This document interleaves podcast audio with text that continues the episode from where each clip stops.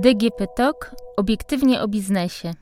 Choć firmy często tworzą nowe produkty, to bardzo rzadko sięgają po podatkową ulgę na badanie i rozwój, co wynika z danych publikowanych co roku przez Ministerstwo Finansów. Ja nazywam się Agnieszka Pokojska, jestem dziennikarzem Dziennika Gazety Prawnej, a o tym, kiedy warto skorzystać z preferencji B plus R, porozmawiam z Grzegorzem Kusiem, radcą prawnym, doradcą podatkowym i ekspertem w PWC. Dzień dobry, panie mecenasie. Dzień dobry. Czy faktycznie ci, którzy wprowadzają na rynek nowe produkty, mogą skorzystać z ulgi na badania i rozwój?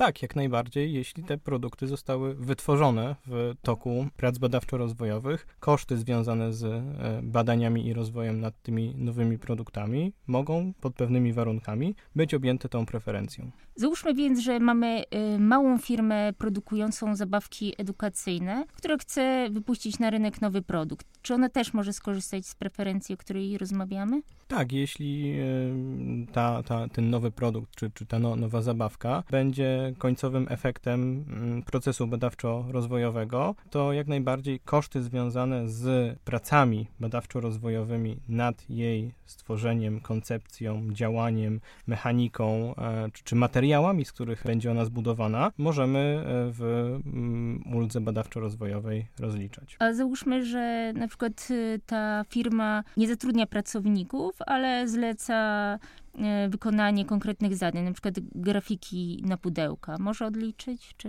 nie? Ulga kieruje się e, zamkniętym katalogiem kosztów kwalifikowanych i taką zasadniczą pozycją, która w nim jest, są koszty wynikające z umów o pracę. E, dopuszczalne są też umowy zlecenia i umowy o dzieło, natomiast podwykonawstwo, czyli wszelkiego rodzaju faktury od zewnętrznych podmiotów, nie są dopuszczalne, chyba że wystawia je jednostka naukowa. Czyli jeżeli mamy grafika na zleceniu, to rozumiem, że możemy odliczyć takie koszty, natomiast jeżeli y, grafikę robi na przykład firma, to nie. Jeśli ta grafika będzie wykorzystywana na potrzeby działalności badawczo-rozwojowej, jak najbardziej można umowę zlecenia rozliczyć. Czyli tego nowego produktu, który wprowadzamy. W jakich jeszcze takich codziennych przypadkach można skorzystać z ulgi? Często y, to mogą być różnego rodzaju projekty optymalizacji procesowej, na przykład coś zajmuje nam kilka godzin na linii produkcyjnej, na przykład mycie i prowadzimy projekt, w toku którego testujemy różne rozwiązania, walidujemy je, sprawdzamy. I w efekcie końcowym e,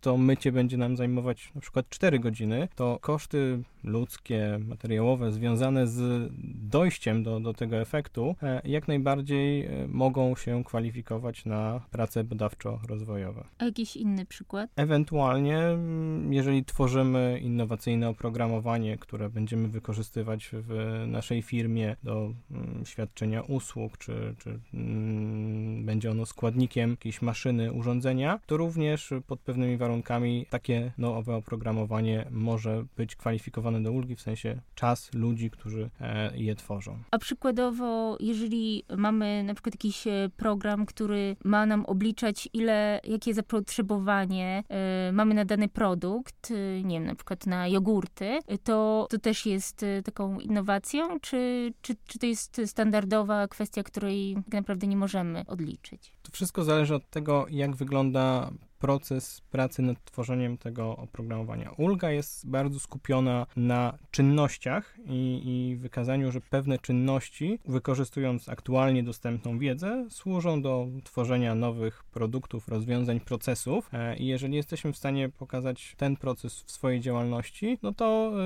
e, jak najbardziej możemy o uldze myśleć i ją rozważać. A osoby, które prowadzą jednoosobową działalność gospodarczą, te też mają szansę na odliczenie? Z osobami, które prowadzą jednoosobową działalność gospodarczą, mm, jest trochę problem w tym sensie, że nie ma kosztu pracowniczego jako takiego, ponieważ praca własna e, nie, nie, nie zalicza się e, do ulgi, w związku z czym, mm, żeby e, mogli skorzystać z ulgi badawczo-rozwojowej, muszą znaleźć koszty, które są wymienione w tym katalogu, który wspomniałem, czyli jeśli nie mają kosztów pracowniczych, to być może koszty materiałowe, koszty amortyzacji sprzętu, oprogramowania, które wykorzystują w działalności działalności badawczo-rozwojowej. A przykładowo programista, który tworzy jakieś nowe oprogramowanie, to zapewne jest e, taką innowacją. Co, co mógłby odliczyć, jeżeli właśnie prowadzi jednoosobową działalność gospodarczą? No, przykładowo mm, licencje na środowiska testowe, oprogramowania narzędziowe, które on wykorzystuje do tworzenia swojego oprogramowania, ponieważ zanim wypuści swoje oprogramowanie, musi je przetestować, zwalidować, napisać, e, więc tego typu licencje narzędziowe wykorzystywane przez niego do tworzenia i prowadzenia tej działalności badawczo-rozwojowej e, jak najbardziej mogą się kwalifikować, a oprócz tego, poza ulgą badawczo-rozwojową, taka osoba na pewno powinna też pomyśleć o tym drugim mechanizmie e, Innovation Box,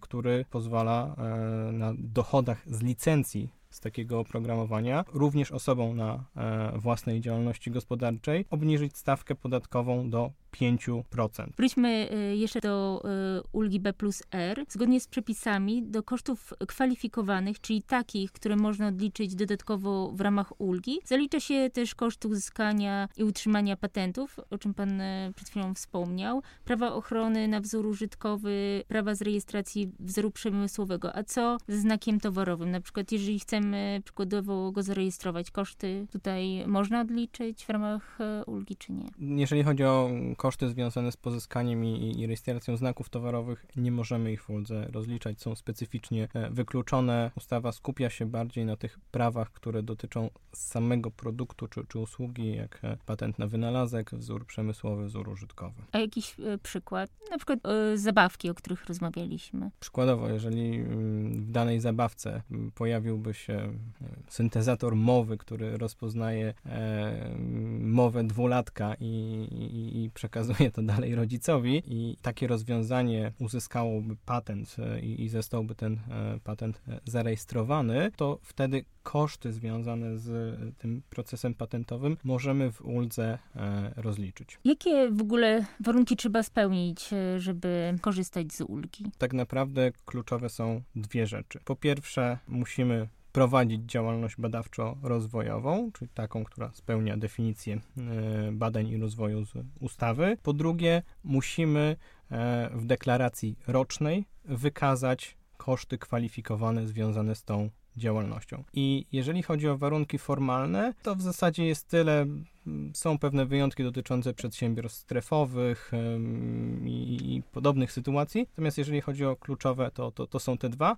Oczywiście oprócz tego od strony praktycznej niezbędna jest ewidencja kosztów działalności badawczo-rozwojowej, tak żebyśmy w razie ewentualnej kontroli byli w stanie wykazać skąd poszczególne kwoty się wzięły i co więcej, jak one się wiążą z działalnością badawczo-rozwojową. Mhm. A co z kosztami pracowniczymi? Czyli jeżeli na przykład zawieramy umowę o pracę z osobą, która będzie zajmowała się B plus R, to czy w niej powinniśmy zawrzeć jakąś klauzulę, czy może wystarczy ewidencja pracy? Jak to powinno wyglądać? Moim zdaniem nie jest konieczne mm, zawieranie specjalnych klauzul w umowach, ale oczywiście moż, można je wprowadzić, jeżeli wynika to, to ze specyfiki danego stanowiska. Natomiast klucz kluczowe, powiedziałbym, jest to, co dana osoba faktycznie robiła przez poszczególne miesiące e, roku kalendarzowego czy obrotowego, tak żebyśmy byli to w stanie wykazać, ponieważ no jestem sobie w stanie wyobrazić sytuację, że ktoś ma wpisane w umowę, że będzie robił B plus R, a w ogóle przez rok się tym nie zajmuje, ponieważ firma ma inne potrzeby i został oddelegowany do tych innych potrzeb. Od 2018 ro roku mali i średni przedsiębiorcy mogą dostawać też zwrot od fiskusa. Chyba dość mało się o tym mówi. Kto i jak może skorzystać z tego rozwiązania? Tak, jest to dosyć nowe i, i faktycznie mało popularne rozwiązanie. Ono zasadniczo obowiązuje tylko w pierwszym roku prowadzenia działalności gospodarczej dla mikro, małych, średnich również również w drugim roku i możemy je zastosować wtedy, kiedy w danym roku przysługiwałaby nam ulga, ale nasz dochód jest za mały albo wręcz w danym roku mamy stratę. Wtedy możemy aplikować e, o zwrot pieniężny tego aktywa, które mielibyśmy z tytułu ulgi na badania i rozwój. Przy zwrocie gotówkowym trzeba pamiętać o zmianach stawek w skali podatkowej. Jeżeli chodzi o 2019 rok, do obliczenia zwrotu gotówkowego nie będziemy stosować już stawki 18%, ale 17,75%, bo tak dla 2019 roku zmieniła się stawka w pierwszym progu skali podatkowej. Od 2020 roku będzie to 17%. Na koniec podsumujmy. Jeżeli tworzymy coś nowego, niestandardowego, niektóre koszty możemy jeszcze raz odliczyć od przychodu w ramach ulgi B plus R. W ramach ulgi nie można rozliczyć własnej pracy ani usług innych firm, ale zleceniobiorców lub zatrudnionych pracowników już tak. Wydatki podlegające preferencyjnemu rozliczeniu trzeba wyodrębnić w ewidencji księgowej. Małe i średnie przedsiębiorstwa przez dwa pierwsze lata swojej działalności nie muszą czekać na rozliczenie ulgi w przyszłości. Gdy pojawi się zysk, mogą od fiskusa otrzymać gotówkę. Dziękuję za rozmowę. Dziękuję bardzo.